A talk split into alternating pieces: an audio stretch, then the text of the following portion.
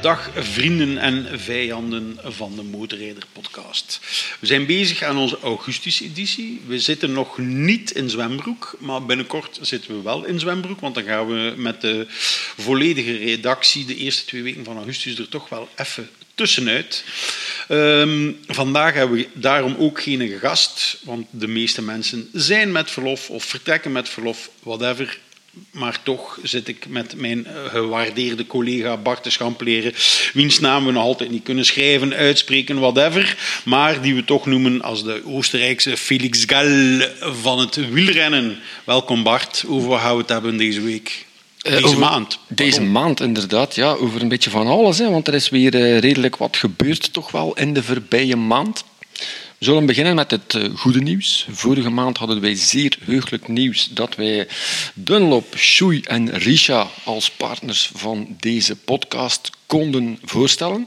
Het heugelijke nieuws is dat zij er in de tweede aflevering nog altijd zijn. Dus dat wil zeggen dat we vorige maand iets goeds gedaan hebben, of we op zijn minst niet tegen een schenen gestampt hebben. Dus die drie partners, Dunlop, Shoei en Risha, zijn er nog altijd. Alright, dat is inderdaad goed nieuws. Het is dat, hè? Ja. Goed. Over naar de orde van de dag. Eh, de BMW Motorrad Days ben ik naartoe geweest. Ja, eh, in het- Berlijn. Alwaar zij de CE02 hebben voorgesteld. Heb ik eh, live mogen meemaken. Het Klinkt apparaat- elektrisch. Is ook zeer elektrisch, want ja, ze hadden al een CE04. Kap dat in twee en je krijgt een CE02. Soms moet het niet te moeilijk maken. Eh, het toestel in kwestie komt in het eh, voorjaar van 2024 eh, op de markt. En, toch wel boeiend, zal meteen in twee versies beschikbaar zijn. Een 15 pk-versie en een 5 pk-versie die gelimiteerd is tot 45 km per uur. Waardoor dat die eigenlijk in de categorie van de grote elektrische fietsen terechtkomt. Met 132 kilo is hij sowieso ook een heel stuk lichter dan de C104, wat toch eigenlijk een elektrische maxi-scooter mag genoemd worden. Dus voor stedelijk gebruik sowieso denk ik toch wel een, ja, een voertuig voor de toekomst. Hamvraag zal natuurlijk zijn aan welke prijs BMW dit zal introduceren. Heel waarschijnlijk zoveel mogelijk. Maar iedere commerçant probeert om van zijn product zoveel mogelijk geld te krijgen, maar in een competitieve markt zoals dit, waarbij dat er toch al een aantal Chinese prijsbrekers aanwezig zijn, vraag ik mij af wie dat er zal bereid zijn om de volle pot te betalen voor de BMW-kwaliteit die toch wel mag verwacht worden. Dus ik zie daar toch nog wel een uitdagingje voor de BMW-verkopers. Ja, we mogen nou sowieso denk ik wel verwachten dat de meeste merken in eerste instantie de kaart van de kleine mobiliteit, eh, stadsverkeer noemen we dat dan, eh, elektrisch, eh, allee, daar de kaart van de elektriciteit gaan kiezen. Voor de zwaardere motoren denk ik het nog altijd niet. Wordt moeilijk, hè? Maar Nog- goed, dat is toekomst. Nog nieuws, hè, als we dan in de toekomst kijken, Oh, volg maar mee. BMW heeft de Connected Ride Smart Glasses voorgesteld. Ja, als je iets nodig hebt om naar de toekomst te kijken, lijkt het mij wel smart glasses. Daarvan weten we de prijs wel al. 690 euro, alstublieft. Wat krijgen we daarmee te zien? Alle informatie die je anders op uw dashboard te zien krijgt, wordt nu eigenlijk aan de binnenkant van uw brilglas geprojecteerd. Zodanig dat je in één oogopslag weet waar dat je bent, hoe rap dat je rijdt en welke boete dat je riskeert als je aan dat tempo blijft verder rijden. Hetgeen dat ik wel cool vind, is dat die een bril in twee maten zal beschikbaar zijn. Grote hoofdjes, kleine hoofdjes. Meteen met twee soorten lenzen erbij, te dragen als zonnebril of met een heldere lens onder een vizier. En dat die ingebouwde batterij toch wel 10 uur meegaat. allee, weer iets wat we aan de stekker kunnen hangen. Ja, Ik ga toch in mijn motocot, want ik heb een motocot waar ik toch een multistacker moeten eh, installeren. Want ik heb nu een, eh, even terzijde, een airbag rugzak van het merk Helite eh, in test. Dus die moet ook aan de batterij, naast de GPS aan de batterij, de intercom aan de batterij en nu ook die hippe goggles van BMW. ja. Het, is, ja, het is een feit dat er effectief eh, elektrificatie slaat overal toe. Ja. Misschien moeten we straks ook met onze bril naar de keuring. Je weet nooit. Ja, Als we dan toch eh, even een heikel punt van de Ja. voorbije maand mogen aanhalen. De motorkeuring heeft zijn effect jammer genoeg niet gemist. Op de, vooral dan op de verkoop van tweedehands eh, motoren. In 2021 werden er in de eerste helft van het jaar 46.500 tweedehands motoren in het verkeer gebracht in België. Vorig jaar 41.500, dus dat was al min 5.000. Dit jaar, eerste helft van het jaar, schieten er daar nog 30.400 van over. Dus dat is weer 11.000 minder. Dus op twee jaar tijd komen we van 46.500 stuks naar een goede 30.000. Wat dus een, een enorme klap is, sowieso. We kunnen daarbij zeggen van oké, eind vorig jaar is er met het spook van de motorkeuring die er zat aan te komen, zijn er enorm veel tweedehands motoren nog verhandeld, rap rap, voordat de keuring er komt, uh, verkoop hem. Maar het weegt natuurlijk niet op tegen het feit dat het nu een gigantische oplawaai is voor de tweedehandsmarkt in België. We weten ook dat er zeer veel verkocht wordt over de grens momenteel. Zeer Nederland veel. vooral, ja. Nederland gaan er heel veel motoren naartoe. Ehm, anderzijds, ja, we, hebben, we zitten dan natuurlijk ook wel met een dubbel gevoel. Hè. Eh, heel veel tweedehands mm, dealers die er eigenlijk in gespecialiseerd zijn in tweedehands verkopen, die, die worden nu met extra kosten en extra werktijd eh, opgezadeld. Ja. Misschien is het ook goed dat er misschien, ja, in iedere branche zijn er ook altijd wel een aantal rotte appeltjes die, die de zaken niet zo nauw namen. Toen dat ik mijn eerste tweedehands motor verkocht, werd daar ook door de verkoper vriendelijk gezegd van ik zal er een nieuwe achterband opleggen. Ja, dat bleek eigenlijk een betonband van een cruiser te zijn die helemaal niet op een naked bike had gehoord. Ik wist van niet beter. Wanneer heb ik het ontdekt dat ik gejost was? Dat was in de eerste bocht met mijn nieuwe tweedehands motor. Misschien had ik dan graag gehad dat er ook een technische keuring van motorfietsen was. Dan had ik het misschien niet voor gehad. Maar ja. Ja. Nu, ja, inderdaad, in die zin heeft het zijn uh, goede kanten. Het is natuurlijk een logistiek monster, uh, want al die tweedehands motoren moeten gesleurd worden naar keuringsstations, terwijl dat we dat van Nederland konden overgenomen hebben en de technische keuring laten doorvoeren hebben bij de gespecialiseerde motorzaken. Dat slimmer geweest en handiger vooral. Uh, ook de periode van geldigheid is een probleem. Hè. Ik bedoel, uh, als je als tweedehandsdealer uh, is uw geldigheid maar twee maanden. Is hij binnen de twee maanden niet verkocht, dan mogen we weer naar de keuring. Dus een motto die twee maanden in de showroom gestaan heeft, waar daar niets aan veranderd is, dan mogen hij dan terug mee naar de keuring. Dat is natuurlijk compleet absurd. Daar hadden ze wel iets slimmer mogen zijn en zeggen, kijk, die geldigheid is zes maanden of een jaar, zeker als hij niet verkocht wordt en zeker in een professionele omgeving. Uh, dat licht gaat niet scheef gaan staan van in de winkel te staan, mm -hmm. bij wijze van spreken. Natuurlijk er is ook een mes aan twee kanten snijdt. Is dat zowel de dealer, de particulier als de keuringsstations moeten dan een beetje in de vingers krijgen, heel die keuring. En dat begint stilaan te komen, alhoewel je hoort heel veel verhalen in beide richtingen. Je hebt heel veel verhalen die zijn dat loopt prima, correct, er worden echt wel zinnige dingen gecontroleerd. Dat ik zelf ook meegemaakt heb als ik uh, naar de keuring gegaan ben, vond ik dat ook redelijk uh, correct. Werd balhoofd ge, getest. Allee, werden toch een aantal dingen getest en bekeken dat ik dacht, mm, dat stemt mij positief. Maar anderzijds is onze Honda Deauville met volledig rot balhoofd er gewoon doorgeraakt. Ja. Dus niet alle defecten worden ook opgemerkt, dus waardoor dat eigenlijk de tweedehandskoper ook misschien niet de garantie vindt in die keuring die hij gehoopt had. Hè. Ja, dus, inderdaad. Anderzijds wil ik nog wel een keer terugkomen, vlug, uh, omdat... Uh, je hebt natuurlijk door de, allez, de, de motorfietsen in de coronaperiode heel populair, uh, is heel populair geworden. Er is een schaarste gekomen op de occasiemarkt. Occasies zijn dan al duurder geworden. En in hoeverre zijn dure occasies, uh, allez, hebben die ook meegespeeld in het dalen van de occasies, omdat dan de prijs met een nieuwe kleiner wordt. Mm. En een nieuwe hebben al bij de meeste merken hè, vijf jaar garantie. Dus ja, dat speelt misschien ook wel een rol. Mm-hmm. Maar dit terzijde, ik bedoel, dat, dat, dat gaat niet zeggen, of ik wil daarmee niet zeggen dat we aan de technische keuringskant er wel, uh, wel nog uh, werk is om te doen. Ik heb soms ook wel het gevoel dat we als sector misschien iets te laks omgegaan zijn met adviesraden, mocht dat al geweest zijn op voorhand. Uh, misschien hadden we daar iets meer aan de tafel moeten uh, schuiven. Ik weet ondertussen dat Febiak daar nu wel uh, op ministerieel niveau de nodige stappen aan het zetten zijn.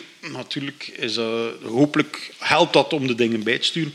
Maar goed, op 9 augustus. Ja, nee, ja, het is sowieso het feit dat, dat het leeft in de, in de motorbranche. We zien het ook gewoon aan het thema bij ons op de site. Daar wordt druk op uh, gecommentarieerd. Positief, negatief. Maar het feit is wel dat het, het leeft. Zowel de positieven als de, als de negatieven, de voorstanders als de tegenstanders, zijn zich een beetje aan het verzamelen, bij wijze van spreken. En het klopt dat uh, voor diegenen die de podcast begin van de maand luisteren, en er nog interesse zouden in hebben. Op 9 augustus wordt er om drie uur effectief een soort protestactie georganiseerd aan het keuringsstation van Stekenen of all places. City, dus, ja, uh, absoluut. Uh, Stekenen Centrum, niet te verwarren met Stekenen Zeehaven, heb ik uh, begrepen. maar goed, voor mensen die dus effectief nog een daguitstap zoeken, of die effectief overtuigd zijn van het feit dat die motorkeuring geen goede zaak is.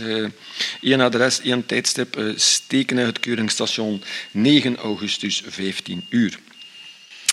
Als we dan toch bij occasies of iets oudere motoren zetten, kunnen we misschien even kort terugblikken op de 90s Superbike Day, die we recent hebben gehad. Ik weet niet, ik kan mij voorstellen dat niet alle motoren die daar rondreden gekeurd waren, maar dat was ook helemaal niet de vraag. Dat was niet de vraag. Jij was erbij, Stefan. Tel eens, hoe was het? Ja, ik... Eh hartverwarmend, uh, ongelooflijke mooie motoren gezien uh, tijdens de Night Superbike dag. Uh, het was ook volzet, de ene sessie die we daarvoor voorzien hadden. Het weer was perfect op een klein regenbuitje na. En het mooie was en, dat we toch twee mooie tweetakte racertjes hadden. Dat is het voordeel van een luide dag. Mm -hmm. Is dat de RGV's 2,5, de Aprilias RS'en 2,5 en de zeldzame en uh, Zerren 2,5 eigenlijk zouden kunnen komen rijden. Vandaar, uh, dames en heren, voor volgend jaar uh, gaan we deze dag opnieuw organiseren. We hopen dat we dan twee sessies gaan mm -hmm. vrijmaken voor 90 Superbike. Dus kom massaal af met motto's, want je kunt, je kunt rijden. het geluid is geen probleem. En achteraf hadden we weer een fantastische barbecue met een ongelooflijke ambiance. Is dat, is dat dan met twee takt gerookt vlees of hoe doen jullie dat? De scampi's waren gerookt, ja. nee, nee. Maar um, ja, gewoon wijs. Gewoon wijs. Meer kan ik er niet van zeggen. Dan een mooie motoren uh, aanwezig. Maar dan ook alle 90 Superbike in een aparte paddockszone gezet. Dus iedereen kon uh, gaan geilen op de andere zijn in een 90 Superbike eigenlijk. Uh, daar komt het op neer. Ja, volgend jaar Kleenex misschien vragen als co-sponsor, kan altijd. Yes. Ja. Um, ik was dus al naar de BMW Motorrad Days geweest, waar ik ook naar de internationale pre-qualifier van de GS-trofee uh, ben geweest. Waarbij, ik heb niet deelgenomen, ben gaan kijken, maar gewoon het uh, terrein zelf vinden bleek al een uitdaging op zich, ergens in de Duitse bossen in de buurt van Berlijn. Ik heb begrepen dat jij het ook gevonden hebt, maar dan voor de Benelux ja. pre-qualifier. Ja, de pre-qualifier voor de Benelux uh, heb ik meegedaan in Loon op Zand. Uiteraard zoals steeds zonder enige voorbereiding, maar wel met heel veel goesting hebben we eraan deelgenomen. Um, samen met honderd andere liefhebbers, uh, uh, gepassioneerde trailrijders. Um, waarbij dan drie mannen uit België, drie, sorry, tien mannen uit België, tien uh, mannen uit Nederland, twee vrouwen uit België en twee vrouwen uit Nederland door mogen naar uh, de qualifying in Wales, in uh, Engeland. En daaruit is de bedoeling dat er een top 3 komt die dan een landenteam kan organiseren, die dan naar het prachtige Namibië mogen gaan voor de cool. Um, ja, het was in loon op zand. Ja. en zand was er. Ja. Ik was eigenlijk ook wel geïnteresseerd om eraan deel te nemen, maar ik weet niet of dat klopt. Ik heb begrepen dat het drinken van alcoholvrije Heineken een van de proeven was. En ik had zoiets van, ik heb heel veel over voor dit blad, maar op een bepaald moment trek ik toch de lijn en dan zeg ik van, dit gaat ons te ver. Klopt dat of ja, is dat gewoon een indianenverhaal? Ja, dat was mijn domme stoot uh, voor deze maand. Uh, het was eigenlijk zo, uh, er was nog een avondproef die we in teamverband moesten doen. En uh, ermee dat er geen alcohol werd geschonken. Okay. Dus ik dacht, ik ga mij beredden met een uh, 0% Heineken. Maar je weet, iedere zin die begint met ik dacht, is al bij voorbaat fout. Ja, ja. ja inderdaad. Goed. Het medeleven mag u berekenen. Ja, dank u. Oké. Over naar de inhoud van het blad misschien. Ja. Want ik denk dat we in de voorbije maand weer een, een stevig nummer bij elkaar geknutseld hebben.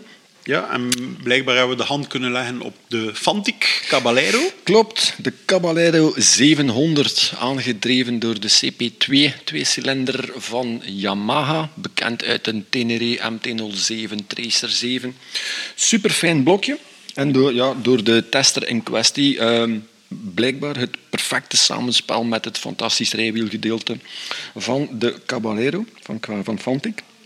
Ze hadden al die hele reeks 500'tjes uiteraard, allemaal ja. monocylindertjes. Op zich niet verkeerd, maar monocilinder heeft natuurlijk ook wel zijn beperkingen. Blijkbaar en dat... slaat ook bij ons nooit echt aan. Ik, uh, veel merken die in tussen de 400 en de 500 cc klasse mm -hmm. zitten, hebben het toch wel lastig in België alvast. Ja, ja. Maar met die, die 700 heeft dus het volledige potentieel om het als neo-retro scrambler te gaan maken. Maar blijkbaar hangt daar toch een totaal andere donderwolk boven eigenlijk. Um, wij hadden van de importeur begrepen dat het nog even wachten was op de introductie van het model omwille van homologatie. Maar blijkbaar staat dat thema nu toch tussen aanhalingstekens, want de officiële reden zou zijn dat Yamaha zelf CP2-blokken tekort komt om zijn eigen machines van te voorzien, waardoor dat ze een rem gezet hebben op de toeleveringen aan Fantic, waardoor dat in het eerste modeljaar slechts 1500 stuks beschikbaar zouden zijn. Rest de vraag natuurlijk naar welke markten die zullen gaan, of wij er gaan krijgen en zo ja, wanneer dat hij komt. Dus... is in deze tijden en in onze branche nu ook eenmaal uh, een spannende realiteit. Ja, dus het risico bestaat dat deze neo-retro misschien al heel snel een volledige retro zal zijn, wegens ik heb hem gemist. Maar goed. Ja, maar dat is dan het voordeel met onder andere alias samenspel tussen het rijwielgedeelte en het CP2-blok, het Yamaha MT-07-blok. Ja, dan heb je een oerdegelijk pakket dat jaren kan meegaan. Hè. Ja, absoluut. Maar je moet er natuurlijk wel één zien vast te krijgen. Dat zal het, het zal voor de rappen zijn waarschijnlijk, zoals ja. we dan zeggen. Wat hebben wij nog gedaan de voorbije maand? Wij zijn met uh, drie middenklasse Chinezen op, uh, op stap geweest. En we kunnen eigenlijk meteen zeggen dat alle flauwe lollen die we vroeger misschien gemaakt hebben van met alle Chinezen, maar niet met een deze, stilletjes dan toch wel ja, rijp zijn voor de vuilbak. Ja, de noedels en de pasta, uh, daar moeten we wel inderdaad van af. En het leuke was aan die middenklasse-test, ik weet niet of dat we dat al moeten weggeven, maar uh, wij hadden het uh, na één rondje wisselen eigenlijk al onmiddellijk door. We misschien even mee... heel concreet maken over welke motoren waarmee dat we op ah, pad ja. gegaan zijn. Hè. In alfabetische volgorde waren dat de Benelli Leoncino 800, de CF Moto CLX 700 Heritage en de Moto Morini Seimezzo STR drie machientjes die allemaal in dezelfde vijver vesten. Eigenlijk moderne techniek. Ook qua prijs leggen ze nee, amper 900 euro uit elkaar. Dus dat zijn toch wel mekaars rechtstreeks concurrenten. En als je ze effectief op een parking naast elkaar ziet staan, ga je ze visueel ook nog op weinig uh, foutjes betrappen. Ja. Het speelgoedplastic van de jaren stilletjes is er niet meer bij de Chinezen. Maar als je dan effectief mee gaat rijden, is het zeer snel duidelijk hoe dat de kaarten op tafel liggen. En ik denk dat dat belangrijk is ook van, niet dat we hier de, de belerende meester moeten uithangen, maar ook in die categorie van motoren waarbij dat het budget en de, de prijzen van de motoren en de gebruikte techniek ligt eigenlijk allemaal op papier vrij dicht bij elkaar, dat proefrijden nog altijd les nummer één is om tot een goede aankoop te komen. Want Iedereen zal er heel snel zelf kunnen uitmaken, ook zelfs met weinig ervaring, van oké, dit ligt mij beter dan die andere. En dat was voor mij toch wel een eye-opener, ook in dat segment. Ja, en soms, ja, ik, ja uh, uh, uh, maar soms zoeken ze het ook volgens mij wat te ver. Ik bedoel, die Benelli, allee, om maar een voorbeeld te geven, die Benelli was dan uitgerust met een radiale remklauw, wat ik voor zo'n motto misschien wat overrated vind. Maar goed, leuk, mochten ze dan ook goed werken. Wat ze dan niet deden. En dan die Morini heeft dan gewoon simpele uh, tweezuigers Brembo's, die al duizend jaar een, uh, een nut en hulderkunde bewezen hebben en die perfect past bij die motor. En die er dan ook voor zorgt dat dat pakket wat klopt. Dus, dus soms hebben, zoeken ze het ook wat te ver. Mm -hmm. Ja, ja, eenvoudig is vaak nog altijd het recept voor goed. Hè. Ja. Maak het niet te ingewikkeld. Hè. Ja, inderdaad. Inderdaad. Dus uh, ja, we waren dus... Uh, we gaan het dus niet prijsgeven. Wat niet prijsgeven, maar we hebben ons wel, we hebben ons wel goed geamuseerd in de Vlaamse Ardennen. ja, dat klopt, dat klopt. Ardennen. Ardennen... Dat hebben we in Vlaanderen, Wallonië en Frankrijk. Frankrijk, ja. Dus voor mijn laatste toerroute, of mijn laatste tweedaagse toerroute van dit jaar, ben ik uh, naar Verdun en omgeving geweest, vertrokken uit Chimay. Heel Lekker. stuk door de... Ja, lekker. Maar niet, uh, niet bij het begin van de rit. Ja. Vooral niet doen. Kaas, ik had het op de kaas. Ja, ja ook lekker, inderdaad. Uh, 250 kilometer binnendoor uh, naar Verdun. Geen meter secundaire weg. Eigenlijk allemaal derde rangs wegjes. Op en af, links, rechts. Het betere stuurwerk. Fantastische regio om te rijden. Ik er zelf... Uh, ik vind dat de leukere kant van de, van de Ardennen nog. Redelijk technisch rijden. Gemiddelde snelheid zal daar ook niet zo heel hoog liggen. Maar God vergeten. Echt, God vergeten van... Je komt er geen mens tegen. Ook weer een stukje het andere Frankrijk leren kennen, want Frankrijk is de voorbije weken toch wel ja, redelijk negatief in het uh, nieuws geweest met alle rellen, allerhande in de grootsteden. Ja.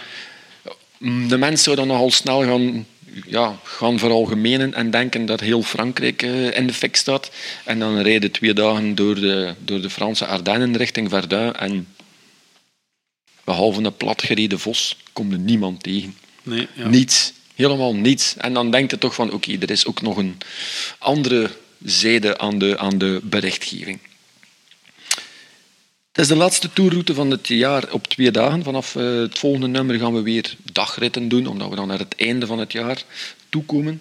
Vandaar dat het ons eigenlijk misschien ook wel leuk leek om nog een aantal beginners reistips, schuine streep, opgehangen aan onze stomme stoten van de voorbije 25 jaar op de motto ja. te geven van stel dat je nu in augustus alsnog beslist van kijk, ik ga nog snel op motor uitstap, een motor tweedaagse, een motorweek. Wat zijn de belangrijkste dingen volgens ons? Of wat hebben wij door onze eigen scha en schande in de loop der jaren aan kennis vergaard van dat lijkt ons een goede tip? Dus maar ik, ik zo tijdens die tienray travel trophy die ik gereden heb, uh, een, uh, een uh, ellenlange lijst aan domme stoten bijeengescharreld. Bij, ja, bij u kan het snel gaan. Hè? ik bedoel... ja, te beginnen met mijn bagage. Dus ik dacht, ik heb koffers. ik heb een allroad motto. Dus die koffers die moeten dat goed doen, zowel off-road als onroad. Natuurlijk, als je een dag dat klepje toch niet juist uh, toedoet, dan vliegt er een koffer af. dat was al punt 1. Uh, die dan voor de rest van de reis alleen maar er wou afvallen. Uh, die we dan vastgemaakt hebben met riemen. Eerst met één riem, bleek niet genoeg te zijn. Hebben we dat met twee riemen vastgelegd. Dus tip 1 is ook al, pak een riem mee. Uh, ja, en die had ik er al uitgehaald voordat ik vertrokken ben. Dus voelde de ene stoot de andere op. Um, nu goed, dat hebben we dan kunnen redden, uh, zal ik maar zeggen. Uh, ik ben dan ook gevallen omdat ik dan het gevoel had van... Hmm, had ik sneller gereden, dan zat mijn voet goed tegen de koffer. Met misschien wat na nadelige gevolgen. gelukkig is dat niet gebeurd. Um, wat was er nog met die koffer? Ah ja, en op een duur zijn ook zodanig enthousiast dat je vergeet dat je koffers mee hebt. Mm -hmm. En dan tikte een rots aan. Ja. Dus ik ben vol tegen een rots gereden met mijn koffer. En gelukkig is uh, de koffer geplooid. En niet ik. En niet de rots. Maar dat van de rots, dat was al een zekerheid. Ja. Dus um, ja, uh, uh, gouden tip. Ga je all-road of off-road, neem zachte ja. luggage. En travel light. Uh, wat dat heel raar is, want uh, ik heb dat in Afrika gedaan. Uh, ik het gered met één roltasje.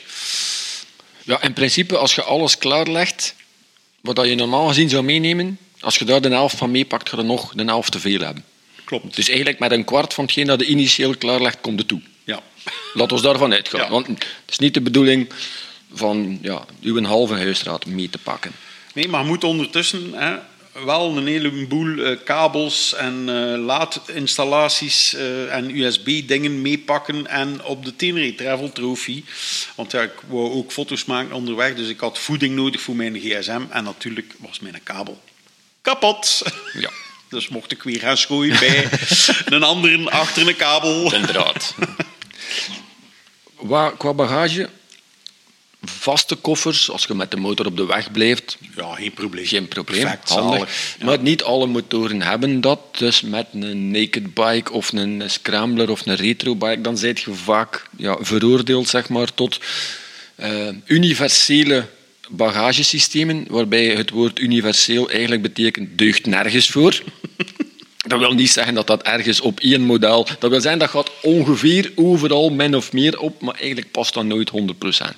Dus begin sowieso met kuipdelen waarover dat, dat schuurt af te plakken met duct tape of andere tape, want anders zit je na één week hotsen en botsen over de Corsicaanse wegen met een motor die volledig gekrast is. Ja. En controleer ook, als je op de motor zit, wat dat, dat doet, hoeveel dat hij in zijn veren zakt en waar dat die bagagetassen dan uitkomen. Ik reed ooit achter een collega op een truckstom, denk ik. En ik dacht van, verdomme, die motor begint nu toch wel wel veel meer te roken dan in het begin. En het is geen blauwe rook, dus het is geen olie. Het is geen witte rook, dus het is geen water. Het is zwarte rook. En dat bleek katoen te zijn. Want zijn hemd, dat in die zachte zijtas zat, schuurde over zijn uitlaat en stond volledig in de fik. Dus dat is wel iets om in de gaten te houden ook, sowieso. Dus vooral ook als je op die motor gaat zitten, zeker ook als het met twee is, gaat hij al een heel stuk in zijn vering eh, gaan zakken. Als je dan die zachte tassen, die komen naar binnen, de eerste bump die je pakt, is dat tegen die band, dus daar begint dat door te schuren. klopt. En dan zijn de rapen gaar, zoals dat heet. Ja. Wat mij betreft, wat afstanden betreft, want het ging daarnet ook over kabeltjes en dergelijke, sowieso begin klein. Met uw eerste uitstap, doe dat één grote dagrit, dan een keer een tweedaagse en bouw dat geleidelijk op. Er is niemand die begint met voetballen in de Champions League. Dus begint ook niet met een motorrace met de wereld, want dan gaat je na twee weken waarschijnlijk zeggen van, "Tju, dat is toch gelijk niet 100% wat ik daarvan verwacht had. En wat mij betreft, als je de aanrijroute, als dat een lange aanrijroute is, voorbereiding is key. Als ik naar het zuiden van Frankrijk moet met de motor, dan vind ik het niet fijn om de hele tijd op een GPS te moeten kijken, die dan zegt van verwachte aankomsttijd zes minuten erbij of tien minuten eraf. Ik heb de route altijd eerst al voorbereid op Google Street View, Google Maps. En ik rij op een klein papiertje op mijn tank geplakt met de steden waar ik naartoe moet, de richtingen waar ik naartoe moet. En dat rijdt super relaxed. Een keer als je dan ergens toe komt en je gaat een route effectief rijden, dan volg je effectief de GPX. Maar er naartoe rijden heeft mij ongelooflijk veel rust in het hoofd. Gewoon eh, gewoon- uw boeddhistische kant eigenlijk. De, vandaar dat uw haartooi... eh Ja, het ah zal ja, ook dat zien we hier nu niet, maar hè, uw ook haartooi niet- boeddhistisch ook is. Ja, ik kan- ben er redelijk zeker van dat er ook al een aantal mensen op de Franse snelweg mij op het derde vak in kleermakers zit, aan 130 per uur zien passeren en op cruise control. Volledig in trance op weg naar het zuiden, totaal zen. Dat, eh, dat Ah, ik vind het leuk kunnen. om zo'n wedstrijdje te doen met mijn GPS in de tijd. Eh, hoeveel kan ik ervan afpietsen Hmm.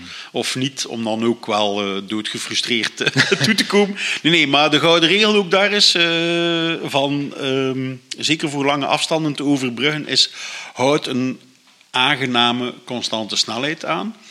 En hou uw pitstops zo kort mogelijk. Want dat haalde niet in. Als je zegt, goh, ik ga nu een half uur eh, nog zo'n mongolenbroodje kopen in eh, een veel te dure naftepomp.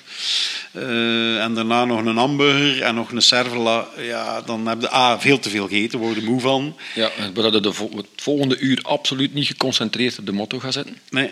En, ehm, ja, en daar haalde niet in. Lange stops haalt je nooit in. Je kunt beter eh, op cruise control of gewoon op 120, 130 eh, rijden in Ja. plaats van aan 180. Ja, want dan, dan gaat een sowieso ook de actieradius van je motor bijna halveren, waardoor dat je toch weer meer moet stoppen ook. En die, die tanken, zijn ja. die stops die je tijd kosten. Hè. Ja. Het is gewoon beter. Maar uiteraard in alle veiligheid. Hè. Als, je, als je voelt van eh, concentratie begint te, te verminderen, dan moet er toch wel een keer kort gestopt worden. Maar meestal gewoon even de benen strekken, de helm een keer af, frisse lucht pakken. Volstaat eigenlijk al. Hè. Zo. Omdat je zegt, ja, doe, eh, begin met één dag, dan twee dagen, dan drie dagen. Ik heb uw raad destijds zeker goed opgevolgd. Ik bedoel, eh, mijn madame had, ik denk, één dag haar motorrijbewijs en we zijn in één trok naar Oostenrijk gereden over de autosnelweg. Maar En je dan nog ook- altijd getrouwd, ja? We zijn nog altijd getrouwd. Oké. Voilà. En zelfs gelukkig hoop ik, eh alleen toch van mijn kant uit. Oké. ik zal voor mijn eigen spreken. Ehm, eh, wat daar ook eh, niet onbelangrijk is, zeker als je met meerdere mensen eh, reist, is onderling afspraken maken. Zeker, ik kom nog uit een pre-intercom-tijd. Dus de afspraak was van, ik stop aan ieder kruispunt, want ik wou wel in de Oostenrijkse bergen iets sneller rijden dan dat zij dat kon. Dus ik sta te wachten op een kruispunt. En zij komt maar niet, en zij komt maar niet. Dus ik word ongeruster en ongeruster. Dus ja, te lange leste keer ik terug. En zie ik ze bij de politie staan. O jee, o jee. Wat was er gebeurd? Dus eh, die politieagent zegt tegen mij... Ja, u reed te snel, u hebben we niet kunnen flitsen, want dat was met zo'n pistool. Maar u, madame, hebben we wel kunnen flitsen. Dus eh, het heeft ons eh, gelukkig maar één boete opgeleverd. Trouwens, ook superbelangrijk als je dan in groep bijvoorbeeld in de bergen gaat rijden. Er zijn altijd vlottere chauffeurs en wat minder vlotte chauffeurs. En een dooddoener van formaat is van, we wachten boven op de top. Dus diegene met zijn sportmachine en veel ervaring rijdt zeer vlot die berg naar boven, heeft al twee sigaretten ge- gerookt en een cola gedronken en van het uitzicht genoten. Als de laatste komt boven getuft, helemaal buiten adem, want die mens is niet gewoon van in de bergen te rijden. Die rijdt met een afstandsbrommerke, die staat daar. en dan zeggen die eerste man, ja, we zijn dan weer weg, jongens. We zijn er compleet. Geeft die mens die laatste ook even tijd om op adem te komen, want anders gaat hij dat zeker geen fijne vakantie vinden. Toptipje, als je op de camping eh, gaat, als er gekampeerd ja. wordt. Had ik zelf eh, eh, nog nooit gehoord. Zeer boeiend, ja.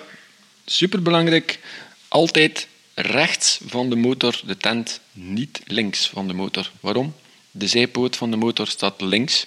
Stel dat je op een grasveld geparkeerd hebt voor de voor de- op de camping en s'nachts breekt er een onweer los en de motor zou wegzakken met zijn zijstandaard. Als die rechts van uw tent staat, dan krijg je hem volledig op u. Wat ja, uiteraard wel echt een probleem kan zijn. Als je de tent rechts zet en de motor links en hij zou omvallen, dan lig je er nooit onder. Ja Dus dat is eigenlijk- wel een gigantische knuffel eigenlijk. Hè. Ja, en dat liever niet. Liever niet, ja. Voor alle zekerheid kun je ook al bij het parkeren op een terrein dat maar mm, half en half verhard is, een motorhandschoen eronder schuiven. Ja. Die gaat het steunvlak van uw zijpoot al zo groot, zodanig gaan vergroten dat die ook veel minder snel zal wegzakken. Maar tent rechts, motor links, ik denk dat dat wel gewoon puur naar veiligheid toe een belangrijke is. De praktische kant van de zaak is toptip nummer 1.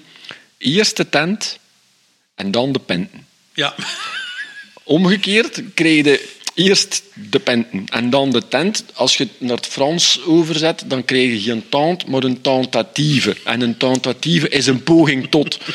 Je wil niet weten hoeveel keer dat ik al verwikkeld geweest ben in een eindeloos gevecht met tentstokken en zeilen en dat ik uiteindelijk gezegd heb van de blote hemel zal ook goed zijn om te slapen, maar dat is niet zo comfortabel. Dus eerst de tent, dan de penten.